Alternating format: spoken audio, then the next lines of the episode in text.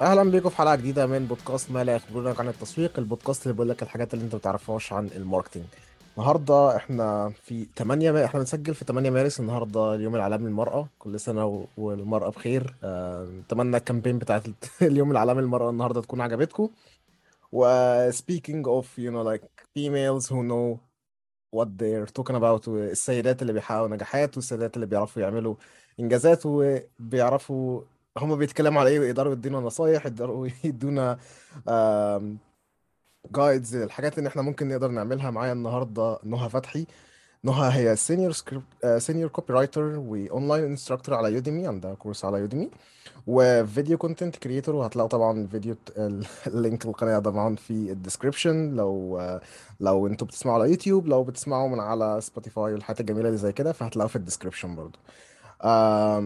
وكالعادة دايما كده بيبقى في سنس مختلف للضيف لما بيعرف نفسه يا نهى فاحنا ما بنحبش نسمع هنقول إيه عن الضيف بنحب نسمع الضيف هيقول إيه عن نفسه فعرفينا بنفسك. آه، أهلا مصطفى. آم، أول حاجة شكرا على الاستضافة في البودكاست بتاعتك. آه، ده شرف ليا كبير طبعا. آه، طيب خليني أعرف نفسي باختصار كده. أنا اسمي نهى فتحي.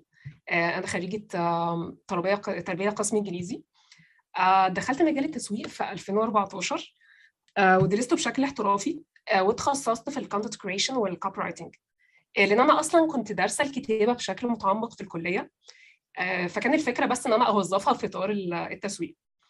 آه، طول الفترة اللي فاتت آه، اتنقلت بين شركات كتير آه، ومع كل شركة كنت باخد خبرة مختلفة.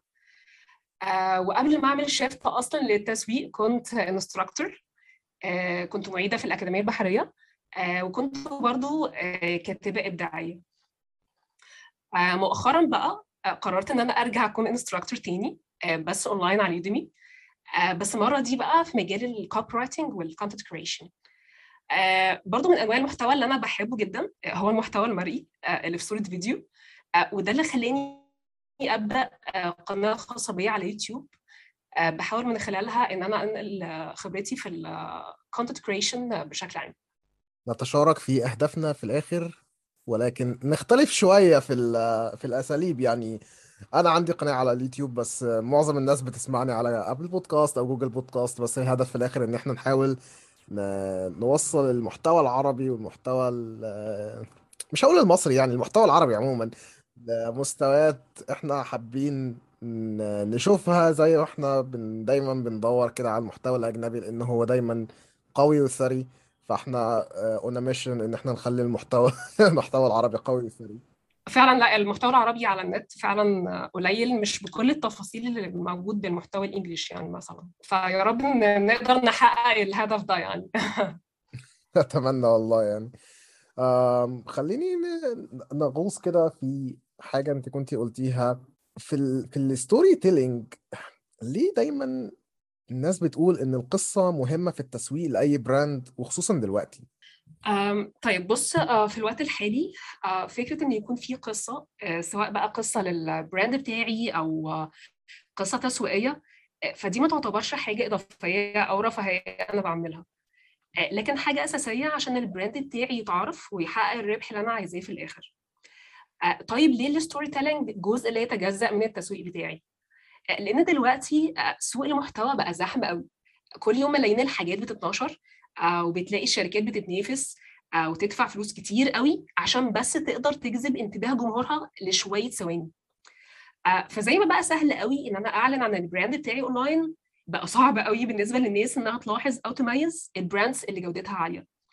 لأن للأسف كل الإعلانات متشابهة. ففكرة إن يكون عندك منتج قوي دي للأسف مش كافية حاليا.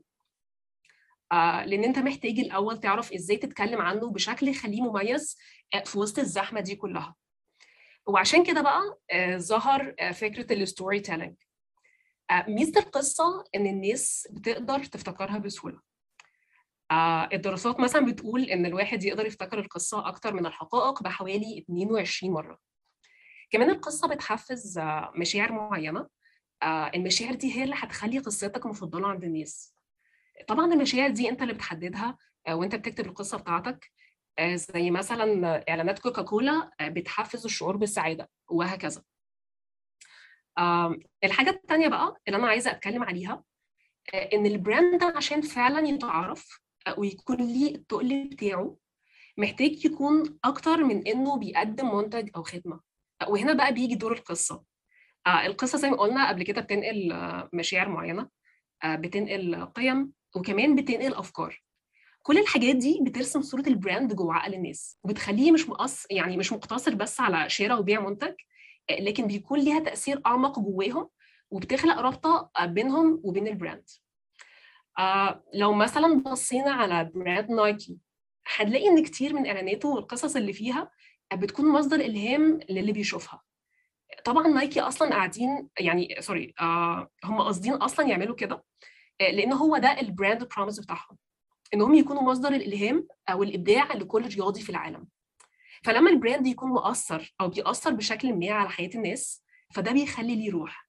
والناس بتبدأ تبص له بنظرة مختلفة تماما وبيفضلوا إنهم يشتروا منه.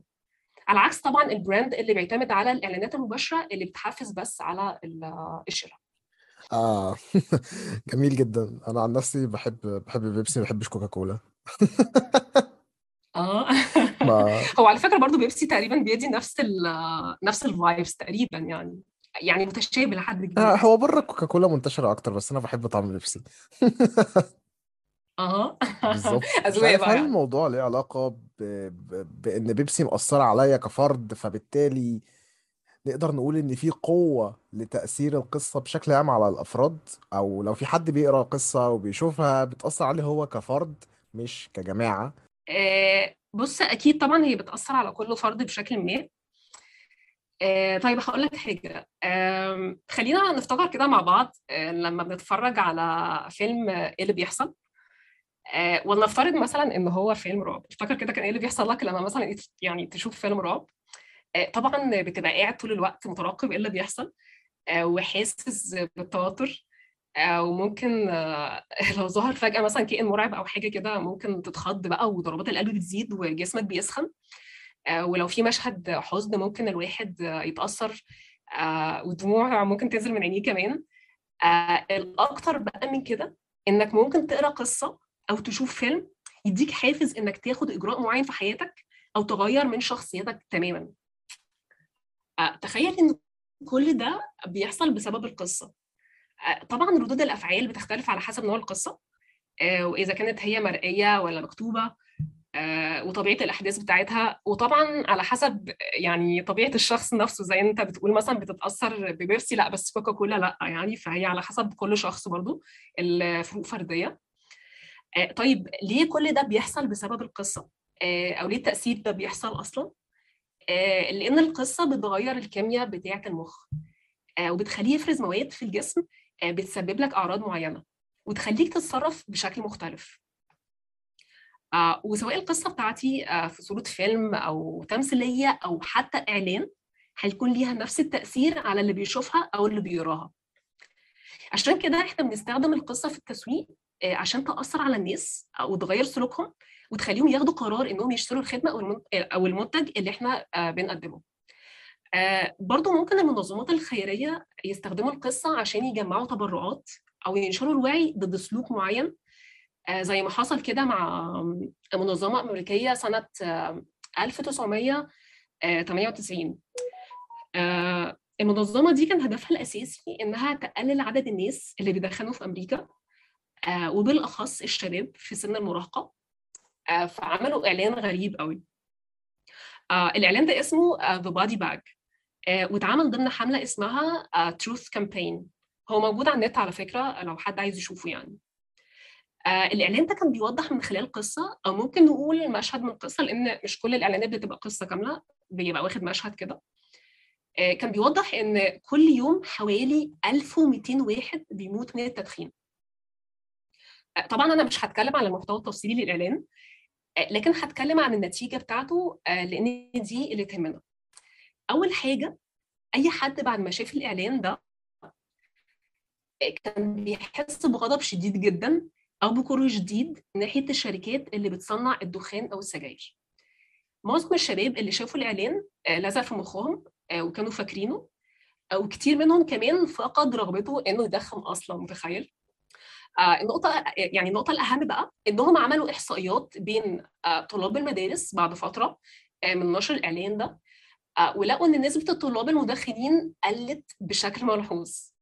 الأكثر بقى من كده إن شركة فيليب موريس آه ودي من أكبر شركات تصنيع السجاير آه لمحت إن الإعلان ده يعتبر تشهير بشركات يعني صناعة التبغ آه وطبعا كان في طلب إن إذاعته تتوقف. طبعا إن شركة فيليب موريس تقول كده فده أكيد أكيد كان أكبر دليل على نجاح الإعلان. آه طيب ليه بقى الإعلان ده نجح بالطريقة دي؟ آه عشان طريقة عرض الإعلان كانت آه ذكيه كل المدخنين عارفين إن التدخين بيضر بالصحة. بس هل بيوقفوا التدخين؟ لا. لأن الحقائق غالبا مش بتأثر في الناس. لكن لو وصلت الحقيقة دي من خلال قصة وده اللي حصل في الإعلان في الحالة دي احتمال تأثر الناس بيكون أكبر. خصوصا إن القصة بتلعب على المشاعر. ودي أكتر حاجة بتخلي الإعلان مؤثر جميل جدا. آه أنا بس محتاج أدي disclaimer ما ما ما حدش يدخن يا ريت كلنا نسمع ال... لا يا ريت ما حدش يدخن يعني لو حد بيدخن اسمع اتفرج على الإعلان وبطل تدخين التدخين ضار للصحه أيوه يا ريت كله أنا قلت اسمه على فكرة. يبقى يعني من فضلك روح اسمع الإعلان وبطل تدخين. التدخين وحش ليك. ده اللي ده ال disclaimer أيوة. اللي إحنا حابين نقوله. عاجبني على فكرة ال disclaimer ده هو عاجبني جدا أصلا يعني. يعني إحنا لازم برضه يعني زي ما إحنا بننشر الوعي عن ال marketing في ال في ال في, ال في العالم وفي الوطن العربي بالتحديد لازم برضه ننشر عن ال عن ال health بقى وال mental health والحاجات اللي زي كده. فلو بتدخن فكر فكر فكر إن أنت ما تدخنش يعني. أنا مش هقول لك تعمل إيه بس فكر إن أنت ما تدخنش. أنا متفقة معاك جدا و... و... وأنا عارف يعني يمكن من نصيحة إن لما حد يقول لي دخن أنا عاده لو أنا بدخن ه... مش اللي هو ما تدخنش لا خلاص أنا هدخن أكتر. ده حقيقي فعلا. آه آه في ناس بيبقى رد فعل عكسي فعلا يعني. اللي هو نظام على حسب الشخصية طبعا بس نادرا ما بت... ما بتبقى النصيحة ناجحة. إن هي تخليني آخد اكشن بالظبط للأسف يعني. وبالتالي ده بياخدني. لازم تكون من خلال موقف معين يعني. بالظبط بالظبط. وبالتالي ده بياخدني برضو. أو يكون الشخص مثلا أو يكون الشخص مر بتجربة معينة فخليته إن هو بقى ياخد رد فعل إن هو يوقف تدخين أو كده. مش مش كل النص يعني النصايح لو جت بطريقة مختلفة شوية ممكن تبقى ليها تأثير آه وممكن تبقى ناجحة بس زي ما بيقولوا كده مش كل النصايح بتتسمع ومش كل القصص بتبقى حلوة. ف على هذه النوتة أنا كان عندي سؤال هو إيه اللي يخلي قصة تبقى ناجحة؟ يعني إيه اللي يخلي قصة إحنا بنشوفها نقول إن آه القصة دي ناجحة وأثرت فيا والنصيحة أثرت فيا وأنا دلوقتي هكسر السجاير اللي معايا ومش هدخن تاني في حياتي؟ فبالتالي كان في مقومات للقصة عشان تبقى ناجحة. فإيه هي أصلا؟ بص هو في طبعا مواصفات كتير للقصة الناجحة. بص أول حاجة إنها تكون مسلية. يعني مش معنى مسلية يعني مسلية بالمعنى الحرفي بس أنا قصدي إن اللي بيشوفها أو يقراها يكون مندمج معاها ومهتم بيها يعني أو مهتم بإيه اللي هيحصل بعد كده. تمام؟ تاني حاجة مهم إنها تكون تعليمية. برضو هنا مش قصدي تعليمية بالمعنى الصريح. بس على الأقل يعني بعد ما أخلص القصة أحس إن أنا في إضافة ليا. آه، تالت حاجة آه، سهل إنك تفتكرها. بمعنى إنها تلزق في مخ القارئ أو المشاهد آه، لفترة طويلة. آه، رابع حاجة آه، إنها تكون منظمة. آه، وهنا القصة المفروض أحداثها تكون مترتبة بشكل معين. آه، وتكون مختصرة لحد ما عشان تساعد القارئ إنه يستوعبها بشكل كامل آه، مش إنه مثلا بعد ما يخلص يحس إنه تايه أو كده يعني. آه، خامس نقطة آه، ودي تعتبر ان دي النقطة الأخيرة. القصة الناجحة بتكون متعلقة بالقراء اللي أنا بستهدفهم وبتتعامل مع الخبرات اللي هم بيمروا بيها. بالطريقة دي هيقدروا يتفاعلوا معاها. عايز أقول إن كان في فترة عدت كده تقريبا مش فاكر كانت السنة اللي فاتت أو السنة اللي قبلها كان في إن قصص كتيرة قوي بتنزل في معرض الكتاب وحاجات كتير قوي بتنزل و- ونوعا ما يعني مش أنا ما كانش عندي فكرة الصراحة الناس دي كانت بتلاقي الأفكار دي منين؟ اللي هو كنت حاسة إن هو ترند تقريبا آه. آه آه كان ترند كان ترند م- مش مش حلو يعني كان في قصص بتنزل كانت بتبقى mediocre آه بس بالظبط. بس أنا ما مم. كانتش فكرتي كانت كانت قصتي كلها اللي هو أنتوا بتلاقوا كل الأفكار دي منين؟ يعني أنا أنا بقعد أربع أيام بفكر في أنا هكتب إيه للأسبوعين الجايين؟ أنتوا بتجيبوا الأفكار دي كلها منين يا جدعان؟ فيعني ه- هل في هل في حاجة سحرية مثلا أو حاجة زي كده ممكن الواحد يتعامل معاها بحيث إن هي تجيب له أفكار؟ وبالتالي أعتقد السؤال هو أنت إزاي أصلا تجيب أفكار؟ يعني تلاقي الأفكار إزاي؟ أو إيه هي ال content generation process اللي تسمح لك إن أنت تطلع أفكار آه، أفكار لقصص حلوة وفي نفس الوقت تثبت مع القارئ؟ طيب بص هو أنا آه، هقول لك على كذا مصدر كده ممكن الواحد يجيب منه آه، أفكار. بس طبعا بص ما فيش حل سحري في الآخر. آه، في الآخر أنا ممكن ألاقي القصة ممكن ألاقي الفكرة وممكن ما ألاقيهاش. فالموضوع بيبقى نسبي على حسب كل شخص. بس طبعا بما إن أنا هقول المصادر دلوقتي آه، فدي هتبقى زي كده زي ليست عندنا بحيث إن إحنا كل ما نسمع حاجة ناخد بالنا بقى. طب هل ده ينفع مصدر؟ ده مش هينفع مصدر؟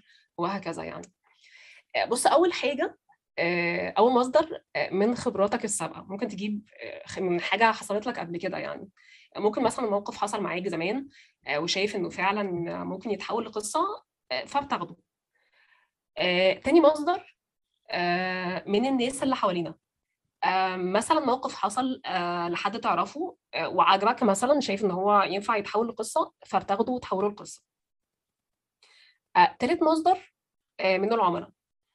آه، ساعات العملاء بيدوا ريفيو مفصلة عن مثلا إزاي المنتج بتاعي يساعدهم في حل مشكلة معينة. آه، فالكلام ده كله ممكن يكون محفز ليا إن ألاقي فكرة قصة. وفي بعض شركات تانية مش بينتظروا أصلا ال review آه، هم بيعملوا follow up مع العميل بعد ما بيشتري. آه، فأنت بقى ك content creator ممكن تتواصل مع الشخص اللي بيعمل follow up مع العميل ده عشان تاخد معلومات منه. الشخص ده غالبا بيكون تبع ال customer service أو ال sales آه وبشكل عام ال customer service وال sales هم أكتر ناس ممكن تجيب منهم قصص آه عن العملاء آه عشان تفيدك بشكل كبير آه في التسويق. آه هديكي مثال لطيف عن الحوار ده. آه كان في شركة اسمها جورد آه الشركة دي كانت بتصنع أو هي already فعلا دلوقتي حاليا بتصنع ساعات خشبية. آه الشركة دي عندهم database ببيانات العملاء بتوعهم. آه وكان أي حد يشتري منهم ساعه لازم بعد فترة يبعتوا له إيميل آه يطلبوا منه إن يحكي لهم عن لقاء مع شخص لفتت نظره الساعة دي ورد فعل الشخص ده بعد ما شافها. طبعا هو يعتبر لحد ما سؤال غريب بس هم ناس بيصنعوا ساعات خشبية يعني حاجة يونيك قوي. فطبعا ليهم الحق انهم عايزين يعرفوا إيه رد فعل الناس لما يشوفوها. بالطريقة دي هم وفروا على نفسهم عمليه التدوير على قصة مناسبة أو قصص مناسبة يعني وبقى ياخدوا القصة على طول من العميل. آخر مصدر بقى ممكن تجيب القصص منه المتابعين أو الفولورز بتوعك. زي مثلا تعمل مسابقة عن حاجة معينة وتطلب من الناس إنهم يبعتوا قصصهم وتختار منها الأحسن وهكذا. هديك برضو مثال على الحوار ده. كان في شركة اسمها باك رودز هي travel company المهم الشركة دي كل سنة بتطلب من العملاء بتوعها إنهم يشاركوا قصة قصة رحلتهم من خلال الصور والفيديوهات. وبعد كده الشركة بتختار أحسن ثلاث قصص وبتحطها على ال website بتاعها. ده غير بقى إنهم بيدوا اللي كسب 5000 دولار دي بتبقى credit يقدر يستعملها في أي رحلة هيطلعها مع شركة باك رودز في المستقبل. آه وعموما أعتقد الطريقة دي لحد كبير آه منتشرة. آه في brands كتير بتجيب قصصها من المتابعين بتوعها. المصدر الأخير بقى هو خيالك. وعشان يكون خيالك خصب المفترض إنك أصلا تكون بتقرأ قصص كتير بشكل عام. عشان فعلا تقدر إنك تألف قصة. حلو جدا. بما إنك اول يعني بما إنك انستراكتور ومن نوعا ما عندك فن التدريس ويعني عدى عليكي طلاب كتير وكده دايما ال... إحنا كطلاب من شخص برضو بيحب يدرس وكده دايما بن... بنسأل عن أهم الحاجات اللي إحنا محتاجين نركز عليها لما نكتب القصة أو نصايح و tips and tricks خلينا نقولها tips and tricks ل... ل... إحنا محتاجين نعمل إيه لما نكتب ال... ال... القصة التسويقية وإن إحنا نبني قصة حلوة لينا يعني ك... كـ brand لو أنا عايز أ market حاجة. امم امم طيب آه بص آه أول حاجة آه قبل ما ما تبدأ كتابة خالص لازم مهمة قوي قوي تحدد المشكلة اللي القصة بتاعتك المفروض تحلها. دي أول حاجة كده تمام؟ تاني حاجة آه لازم تعرف مواصفات آه، جمهورك المستهدف. آه، واسأل نفسك إيه اللي أنا عايز جمهوري يعرفه من القصة؟ إيه المشاعر اللي أنا عايز أنقلها من خلال القصة دي؟ آه، إيه الفايدة اللي هتعود عليهم لما يقروا أو يشوفوا القصة بتاعتي؟ وإيه اللي أنا عايزهم يعملوه بعد ما يخلصوها؟ تالت حاجة آه، لما تيجي تاخد قصة آه، أو تفكر في قصة مش لازم إنك تاخدها آه، من جوه مجال التسويق نفسه. لأن أصلا ممكن تقرأ حاجة ملهاش أي علاقة بمجالك بس تكون مصدر إلهام ليك وتقدر تاخد منها قصة. آه، رابع حاجة آه، اختار القصص اللي هتضيف قيمة للجمهور بتاعك. وانشرها على القنوات التسويقية اللي الجمهور ده موجود عليها. كمان مهم إنك تحدد أفضل نوع محتوى من خلاله تقدر توصل القصة دي. آه، طبعا المحتوى ده ممكن يكون فيديو ممكن آه، يكون blog post ايا كان. آه، خامس حاجة حدد الهدف من القصة قبل ما تبدأها خالص. هل الهدف بيع ولا الهدف brand awareness ولا ولا إيه الهدف بالظبط؟ طبيعة الهدف بتاعك بيشكل القصة بتاعتك لأن طبعا مع كل هدف القصة هتختلف. آخر نقطة بقى عايزة أقولها آه، إن سرد القصة آه، هو نوع من الفن. آه، بتحتاج إبداع ومهارة والأهم من كده بقى الممارسة. آه، فمش معنى إن أنا أديتك مثلا تكنيكس معينة آه، أو نصايح آه، لكتابة القصة إن الواحد أول ما هيكتب قصة هيطلع بقى حاجة تكسر الدنيا وكده. آه، لأ الموضوع مش كده خالص. آه، لاننا محتاجين إن إحنا نبدأ الأول آه، ونجرب آه، ونغلط عادي جدا. آه، وفي الآخر هنطلع حاجة قوية للناس فعلا هتنبهر بيها.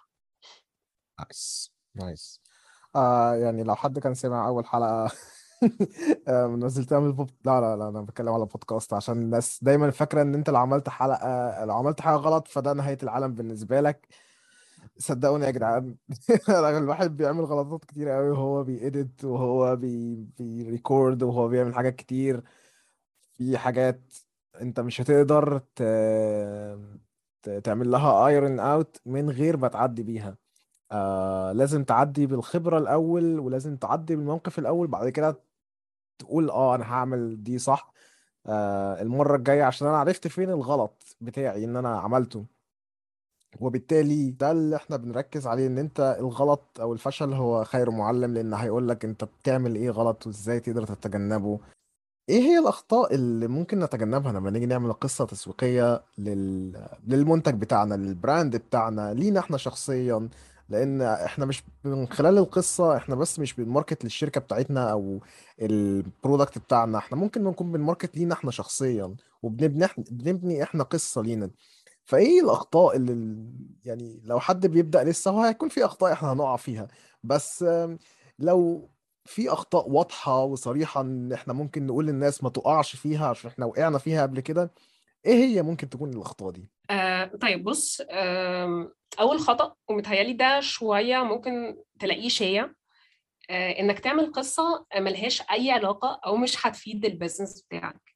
يعني أنت ممكن تعمل آه قصة رائعة يجي لك فكرة حلوة قوي القصة آه تشد ال- اللي يشوفها.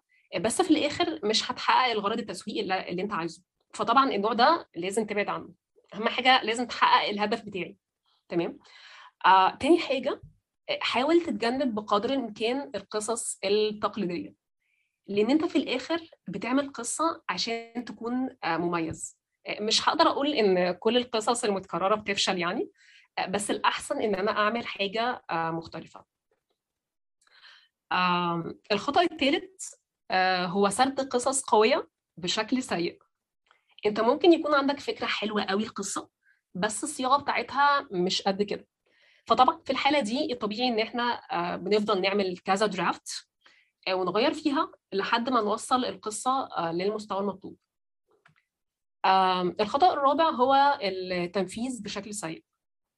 آه، لو القصة بتاعتي رائعة بس اتنفذت بشكل مش احترافي آه، غالبا مش هتحقق النتيجة اللي أنا عايزاها. زي بالظبط الفيلم اللي قصته جامدة قوي آه، بس الإخراج طلع فاشل والممثلين أدائهم مش كويس وكده يعني. آه، فأنا لازم أخلي بالي قوي من مرحلة التنفيذ. آه، يعني مثلا لو قصتي في صورة فيديو مهم قوي إني أحرص إن تصميم الفيديو يطلع بشكل جذاب إن أداء ال voice over artist مناسب وهكذا. آم، الخطأ الخامس بقى إنك تعمل قصص متوقع إن يكون عليها جدل آه، وملهاش شعبية كبيرة آه، زي اللي بتناقش آه، بعض مواضيع اجتماعية معينة آه، أو مواضيع سياسية. آه، النوع ده من القصص المفروض إنك ما تجيش جنبها خالص لأنها ممكن تأثر على صورة ال brand بتاعك بشكل سلبي آه، آه، بأخرى. آه، الخطأ السادس بقى آه، اتجنب إنك تقول معلومات مش حقيقية في القصة بتاعتك. آه، طبعا أنا مش بقصد هنا أحداث القصة لأن في الأغلب في الأغلب أحداث القصة أكيد هتكون متألفة مش حقيقية. آه، لكن اللي أنا أقصده إنك مثلا لو حابب تتكلم عن ميزات المنتج بتاعك من خلال القصة آه، المفترض إن الميزات دي تكون حقيقية مش مزيفة. آه، وإلا كده جمهورك هيفقد الثقة في أي حاجة بتقولها وقصصك بعد كده مش هتحقق التأثير اللي أنت بتتمناه. لو هنتكلم أكتر عن ال agencies ول- ولو إني عارف إن الشغل في ال agencies مش أكتر حاجة هو أكتر حاجة بتعلم الشخص إزاي يعمل الحاجة بس دايما ما بتبقاش أكتر حاجة مريحة. آم، فلو هنتكلم عن ال storytelling وأسلوب القصة في التسويق وخصوصا ك marketing agency رأيك هل حاجة زي كده هم هيبقوا أصلا متقبلينها وسهل تتعمل ولا صعب إن أنت ت- تحطي marketing agency في قالب إن إحنا هنعمل storytelling طيب بص أنا هرد عليك بالتفصيل شوية في النقطة دي. آم، طيب بص هي المشكلة في القصة آه، إنك لازم يكون عندك شخصية. دي حاجة أساسية جدا. آه، والشخصية دي بتحطها في مواقف مختلفة. آه، فأنت قبل ما تعمل القصة لازم يكون أصلا عندك designer عنده المقدرة إنه يصمم شخصيات. دي المشكلة الأولانية اللي أنت ممكن تقابلها يعني. وإلا مفيش حاجة هتنفع تتنفذ. حتى لو عندك قصة رائعة وهتكسر الدنيا. آه، طبعا في اقتراح تاني إنك تخلي شخصياتك حقيقية يعني مثلا بتجيب موديل بنفس الصفات الشخصية وتحطه في المواقف دي آه، أو بتجيب صور جاهزة الموديل متصور في مواضع مختلفة من على Shutterstock مثلا. آه، ففي الحالة دي أي designer عندك هيقدر يظبط التصميم. آه، وطبعا لو أنت عايز تعمل قصة من خلال فيديو motion graphics هتحتاج مصمم motion graphics فمشكلة المصمم دي مشكلة أساسية. على حسب كفاءة المصمم اللي عندك وتخصصه هتحدد إذا كان ممكن تعمل قصة ولا لأ ولا لأ. فدي أول نقطة. آه، تاني نقطة بقى آه، الموضوع عموما بيعتمد يعني فكرة تنفيذ ال storytelling أو ال story يعني بيعتمد على الشركة اللي أنت شغال فيها. آه، لأن في كذا نوع من شركات التسويق آه، والنوع ده بيتشكل على حسب العميل اللي الشركة بتتعامل معاه. آه، في شركات بتشتغل مع عملاء كبار آه، بس عددهم قليل. آه، فالشغل هنا بيتم لحد ما لحد ما يعني مش قوي بروقان. آه، وبيكون في حرص على إننا نقدم أحسن حاجة للعميل ده لأن العميل ده تقيل ويفرق معانا. آه، ففي النوع ده من الشركات أنا ممكن أعرض فكرة القصة آه، لأن ال designs بتاعت القصة ممكن شوية تاخد وقت من المصمم. وبرضه هتاخد وقت من ال copywriter عشان يعمل لها صياغة مناسبة ويطلعها فكرة ويطلع لها آه، فكرة آه، تشد. آه، في بقى نوع تاني من الشركات بتشتغل مع عملاء كتير قوي. بس هم في نفس الوقت صغيرين. والعملاء دول مش شرط إن كلهم يكونوا مستد- مستديمين مع الشركة على طول. فممكن عادي يمشوا ويجي غيرهم وهكذا. بص في النوع ده بقى من الشركات مش بيكون عندك أصلا الوقت إنك تتنفس. يعني سواء كنت content creator أو designer فغالبا آه، إنك تشتغل في قصة مش option خالص. لأنك ما عندكش رفاهية ولا الوقت إنك تفكر في قصة. آه، النوع الثالث بقى آه، من الشركات آه، اللي هي بتشتغل على المنتج أو الخدمة بتاعتها وبيكون ليها فريق التسويق الخاص بيها. يعني الشركة مش بتكون marketing agency طبعا في النوع ده لو معاك designer شاطر آه، ففي عادي إمكانية إنك تشتغل آه، بأسلوب القصة آه، في التسويق. المشكلة الثالثه بقى في تنفيذ القصة هي العميل. ممكن يقول لك أنا مش موافق على القصة لأي سبب كان آه، فطبعا في الحالة دي مش هتعمل القصة. آه، المشكلة الأخيرة بقى إنك أصلا يجي لك فكرة القصة. يعني مش أي قصة ينفع تتنفذ.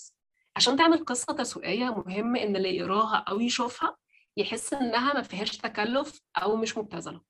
ويقدر يحط نفسه مكان الشخصية. لأن أنا بصراحة ساعات آه، يعني بشوف قصص تسويقية لازم تحس إن فيها مشكلة لما تشوفها. فلو قصتك هتدي الإحساس ده للقارئ أو طبعا المشاهد يبقى مش هتجيب النتيجة اللي إحنا عايزينها آه، وطبعا تتلغي أحسن. آه، فدي نقطة مهمة لازم آه، تحطها في اعتبارك وأنت آه، بتكتب القصة بتاعتك. عظمة. واو. آه شكرا جدا ليك يا نهى. يعني ال storytelling هو من أهم العناصر اللي ال marketers محتاجين فعلا يكونوا ملمين بيها بشكل كبير عشان يحكوا القصة بتاعت ال product بتاعهم القصة بتاعت الشركة بتاعتهم القصة بتاعت ال marketing عموما. فإحنا حابين نشكرك جدا على الحلقة الجميلة ديت ويعني آه هتلاقوا ال- آه، اللينك بتاع اليوتيوب channel بتاع نهى في ال description بقى في ال- في التعليقات تحت آه، على حسب أنتوا بتشوفوا على انهي platform آه ولو عندكم أي أسئلة لنهى آه هي هتلاقوها على LinkedIn وغالبا هنعملها mention في ال post شكرا جدا ليك نهى.